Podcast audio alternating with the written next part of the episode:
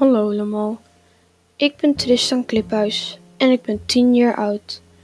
Vandaag ga ik jullie wat vertellen over wat iedereen meegemaakt heeft en hoe het nu met mij gaat.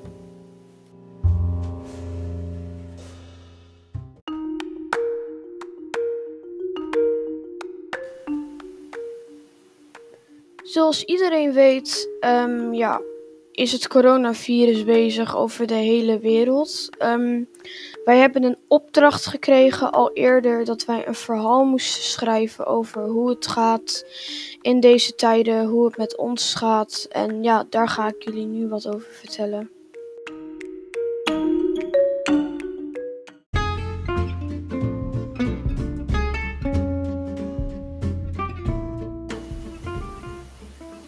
Laten we dan maar beginnen.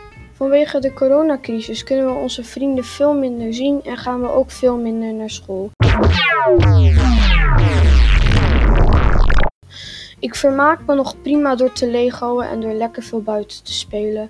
Mijn ouders helpen me heel erg met dingen die ik niet snap en hun ben ik ook dankbaar.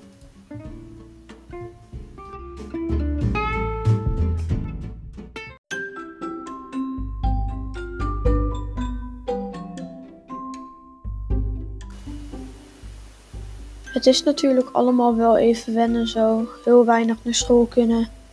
Ik speel heel veel binnen, Lego bijvoorbeeld, maar ook heel veel buiten.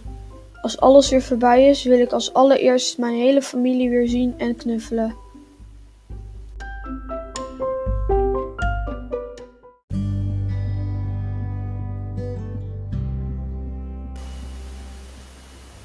Nou, dat was hem dan alweer.